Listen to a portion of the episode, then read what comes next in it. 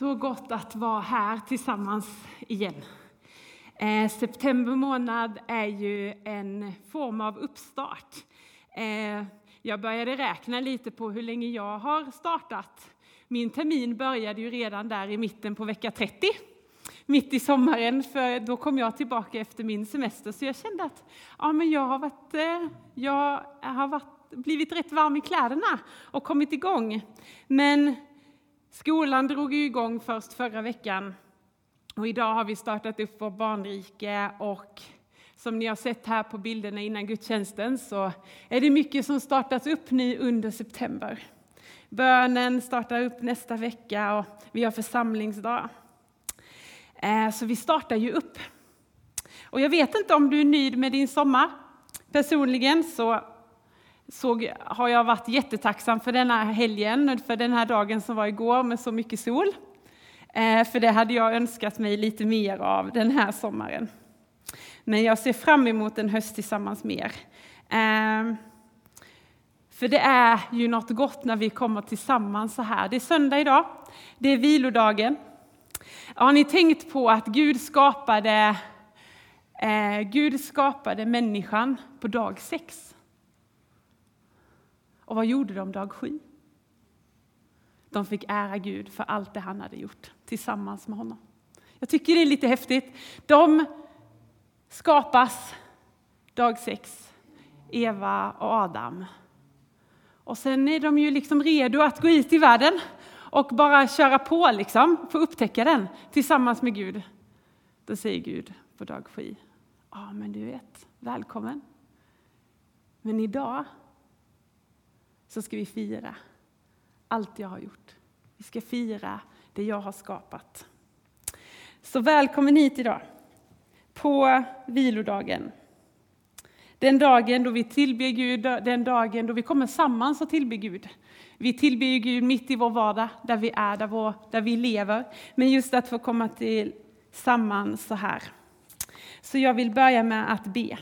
Jesus, jag tackar dig för den här gudstjänsten. Jag tackar dig för att vi får komma samman eh, och fira dig. Påminnas om vad du har gjort, men också vad du gör. Mitt i vår gemenskap, Herre, för att du är densamma.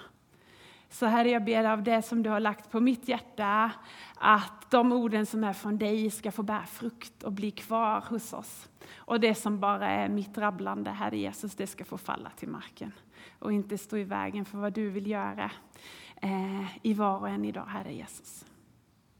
Amen. Välkommen också du som sitter hemma och tittar på gudstjänsten på det sättet. Vi ska läsa psalm 23. Kanske en av de mest citerade psalmerna i Bibeln, eh, både i och utanför kyrkan, tror jag.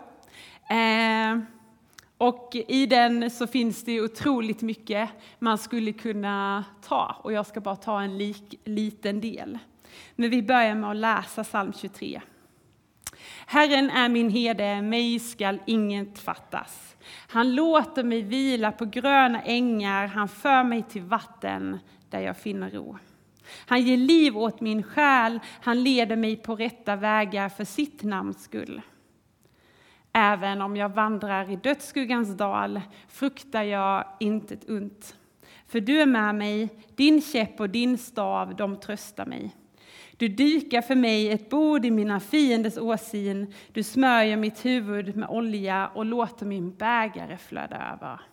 Ja, godhet och nåd ska följa mig i alla mina livsdagar och jag ska bo i Herrens hus för i alltid. Det är kung David som har skrivit denna psalm. Vi vet att han själv var herde innan han blev kung, så han kunde yrket. Det är inte bara David som eh, skriver om heden och fåren. Bibeln talar på flera ställen om att Gud är heden och vi är fåren. Och Jesus säger ju själv i Johannes 10 och 11 eh, att jag är den gode heden. Jag vet inte vad du känner inför att vara ett får. Har du tänkt dig in i det? Eh, alltså jag tycker väldigt mycket om får. De är söta och gulliga och ulliga, så inget ont om dem egentligen. Men de är ju inte det smartaste djuret på denna jord. Eh, och även fast man vet idag att de kommer ihåg ett ansikte, så de glömmer inte bort ett ansikte. Eh, så vet vi att får är beroende av sin herde. Eh, idag så kan det ses som ett svaghet att vara beroende av någon. Eh, de saknar en inbyggd kompass och går lätt vilse. De är också ett flyktdjur. De sticker så fort det kan vara en fara. De kan inte försvara sig själva utan är ett lätt byte för rovdjur om herden inte är där. Vi påminner om får, säger Gud. Inte på något sätt för att förtrycka oss eller förminska oss, utan tror jag för att beskriva relationen mellan Gud, heden och vi, hans får, hans flock. För det är ju så här att alla vi, vi har en herde. Vare sig du säger till dig själv att jag är min egen herde, jag kan bäst själv. Det kan vara din karriär, det kan vara ditt yrke, det kan vara saker du äger. Vi har alla en herde. Eh, och det är du och jag som får välja vilken herde vi vill ska leda vårt liv. Och jag tror att eh, idag och inför den här hösten så tror jag att, att Gud vill påminna oss om relationen mellan han och dig. Titta, jag har gjort mitt bästa här för att eh, realisera det dykade bordet. Visst är det fint, Gud sitter där, han har satt fram en stol till mig och ja, jag måste bara jag måste bara ta ett kort. Jag vet, det är så perfekt. Ta fram här. Där får jag med Gud också. Så, kanske lite högre så. Wow, visst är det fint? Det är så fint när Gud har liksom förberett och han sitter där och han har gjort en stol för mig att, att sitta på. Visst är det fint? Visst ser det, visst är det gott ut? Också, titta vad gott han har. Måste smaka. Gurka är gott. Mm, vad gott. Ja, men du vet Gud, det här är så fantastiskt att du har dukat ett bord för mig och att jag, alltså allt det här som du har för mig att äta, men jag har fullt upp med, med livet och du vet, det är jobb och det är skola och du vet så att ah, det är så fantastiskt men, men jag har fullt upp och, aha, men jag ska berätta om detta, jag ska berätta, jag ska visa bilden för alla.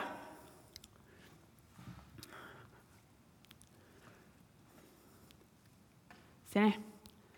Visst är det fint? Ja. Ser Mycket fint. Du vet, det är det fantastiska Gud har gjort för oss. Att han har dykat ett bord för dig och mig.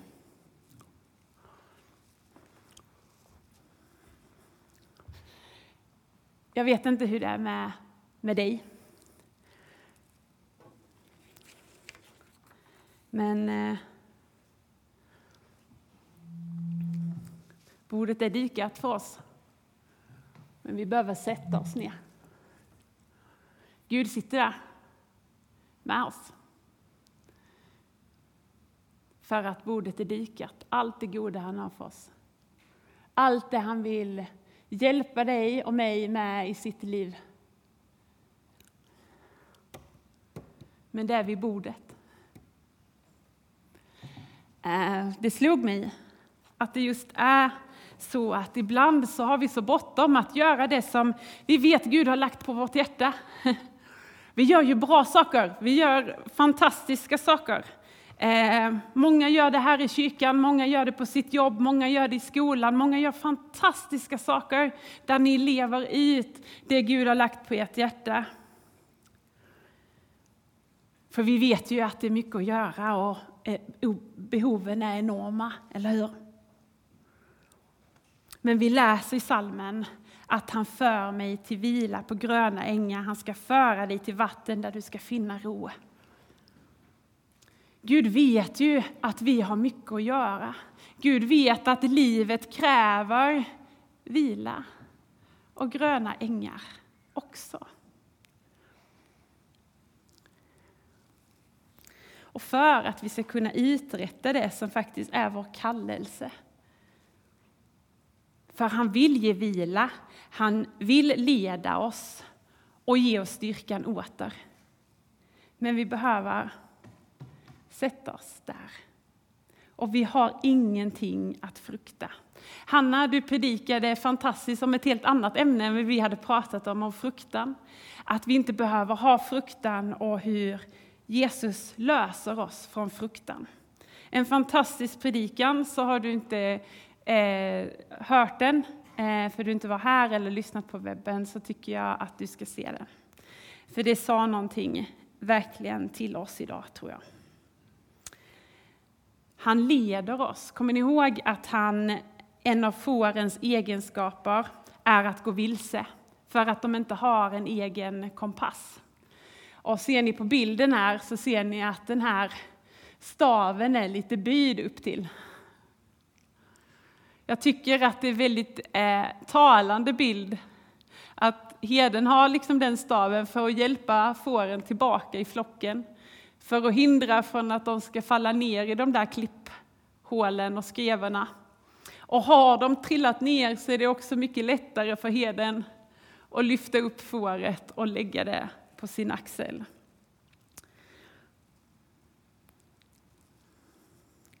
För det är ju så här, vår kompass kan ibland, våra känslor kan ibland förleda oss. De kan skifta, de kan lira oss. Eh, och jag vet inte vad för namn du har på din fiende. På Satan, på den onde. Jag vet inte vilket namn som du använder. Men han gör allt för att förstöra. Och det står i första Petrus kapitel 5, vers 8 att djävulen går runt som ett rytande lejon för att sluka. Han gör allt för att kolla efter en spricka i vår fasad. Det kan handla om din och min karaktär, att vi inte riktigt är klara, vi brottas med saker. Det kan handla om sår efter våra livserfarenheter som gör att den onde har en ingång. Och det kan ibland handla om att du själv har öppnat en dörr och släppt in fienden. För du vet, han letar hela tiden efter en spricka för att splittra. För ibland så kanske det kan kännas så som att alla är ute efter dig. Din chef, dina omständigheter, sjukdomar, ekonomin i botten. Ja, allt. Och jag vill säga teologiskt sett så är det inte så att Satan är ute efter dig. Men han är ute efter din pappa. Han är ute efter Gud. Och vad gör undare för er som är föräldrar? Vad gör undare än att se sitt barn lida? Jag har hört föräldrar säga att oh, det gör så ont för mitt barn, men det gör nästan undare för mig som mamma eller pappa. För du ser ju allt det där som är potentialen i ditt barn. Du ser allt det där barnet kan, du ser alla drömmar barnet har och allt som du har bett för och som kanske Gud har sagt till dig om dina barn. Och så ser du att fienden kommer för att slå in en kil. Få, få barnen att dyka under. För det är ju så han kan skada Gud. Genom att vi inte kommer ut i den kallelse som Gud har för oss. Så han gör sitt allt för att slå sig ner vid bordet intill oss.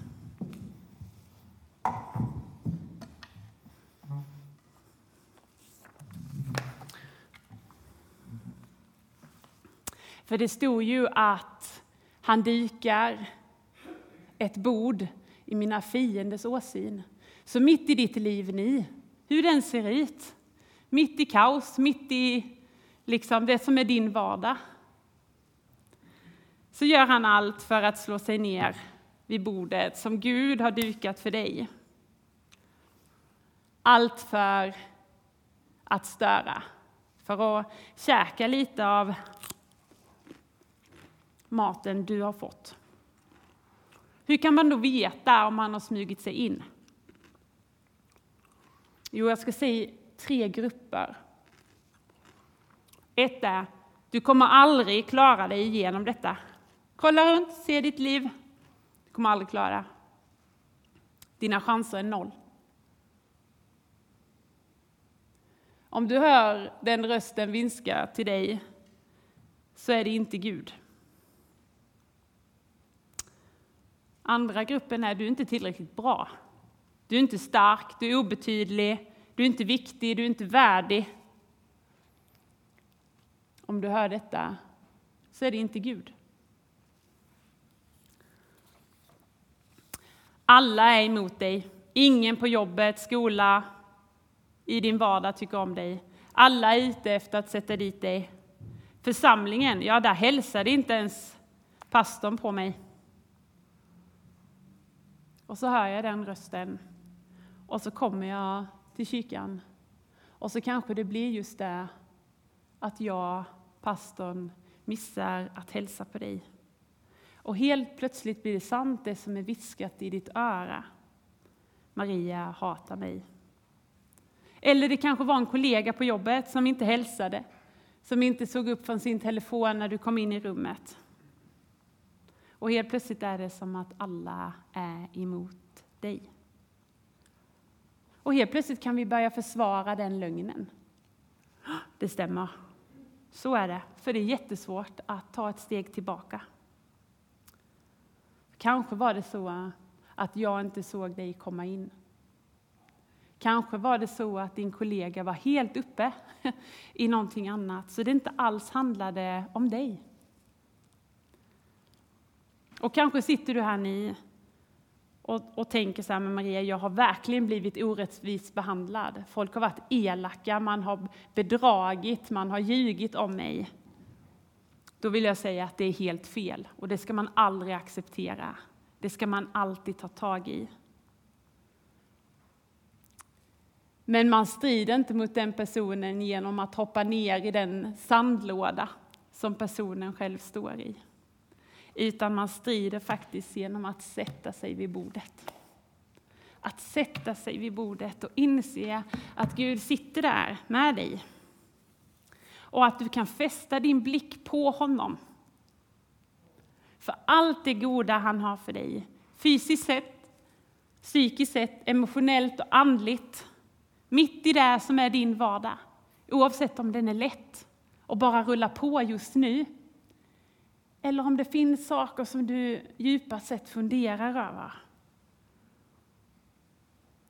Så låt inte Satan sitta vid ditt bord. Låt inte din fiende ta plats vid bordet.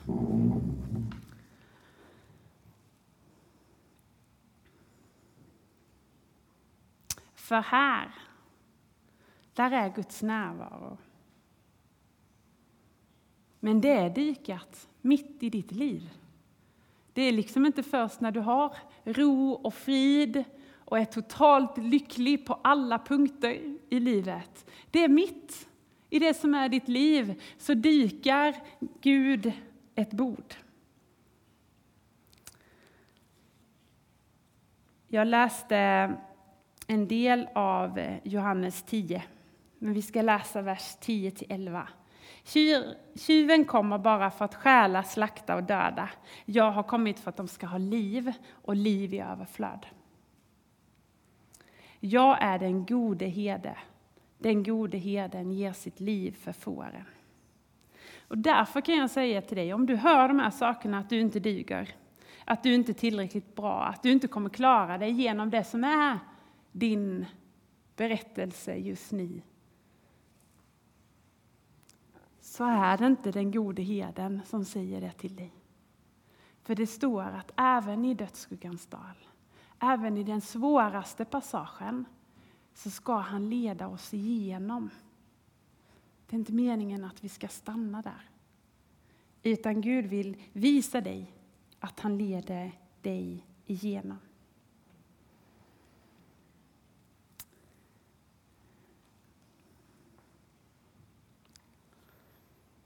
I Andra Kungaboken, till sist, så står det om Elisa och hans tjänare.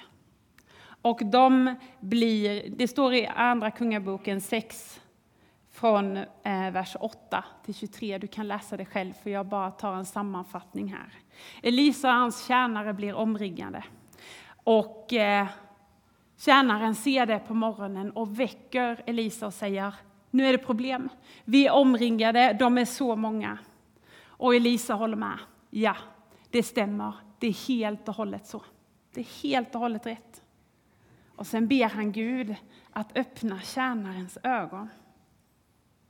Så han kan se den änglararmé som är så mycket fler än deras fiender. Och kanske är det så att du upplever att fiender kan ha omringat dig i form av problem och kaos. Men kanske idag så vill Gud öppna dina ögon för att se att Guds armé står där omringande. Gud gjorde så att Elisas fiender blev blinda och han kunde leda dem till Samaria. Och då fick de sin syn tillbaka och de var omringade då av Israels kung. Kungen frågar, ska vi döda dem? Nej. Ge dem mat och vatten och låt dem äta. Sänd sedan hem dem. I slutet av psalm 23 så står det att Gud smörjer mitt huvud med olja och låter min bägare flöda över. Det här som Gud har satt på mitt bord, det behöver jag inte hålla fast för mig, mitt eget. Jag behöver inte försvara mitt bord, utan jag får göra som Elisa gjorde med krigarna, sända hem dem med välsignelserna. För det ledde till att arméerna slutade eh, förfölja Israel. Så vi kan dela med oss av de välsignelserna Gud har lagt på vårt bord. Få lite mer godis. Så. Så god. Ja, bra. Någon vågar ta en munk i alla fall. Skål!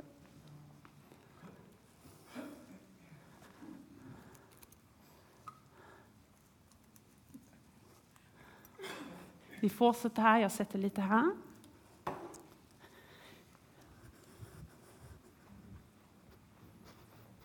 Det blir så bra tv när man springer iväg från, eh, från kameran. Förlåt mig, Marcus.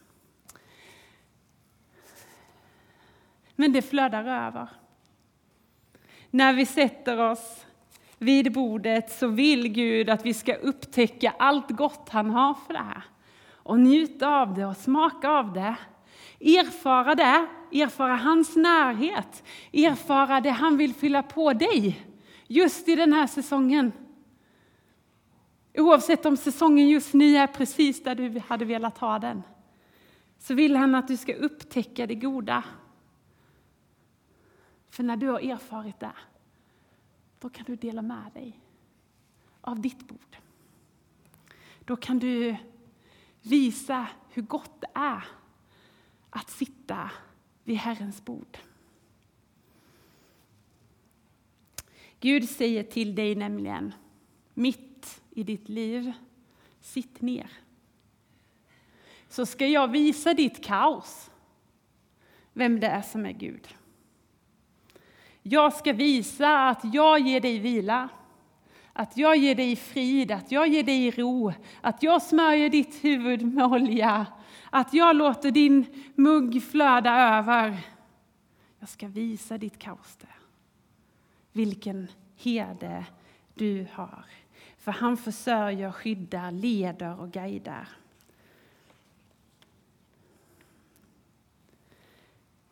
Men då behöver vi sätta oss ner, vänner mitt i det när vi säger att ja, men jag vet inte om jag hinner.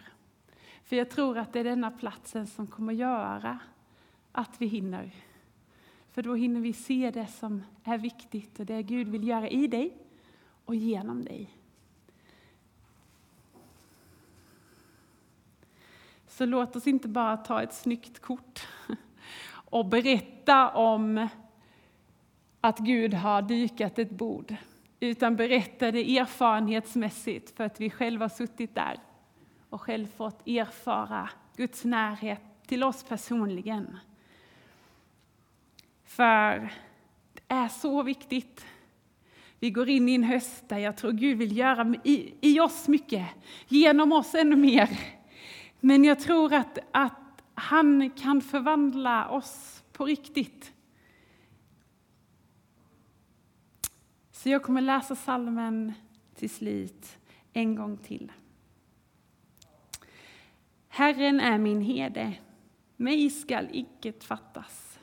Han låter mig vila på gröna ängar, han för mig till vatten där jag finner ro. Han ger liv åt min själ, han leder mig på rätta vägar för sitt namns skull. Och även om jag vandrar i dödsskuggans dal så fruktar jag inget ont. För du är med mig, din käpp och din stav, de tröstar mig. Du dykar för mig ett bord i mina fienders åsyn. Du smörjer mitt huvud med olja och låter min bägare flöda över. Ja, godhet och nåd ska följa mig i alla mina livsdagar och jag ska bo i Herrens hus för alltid. Vi ber.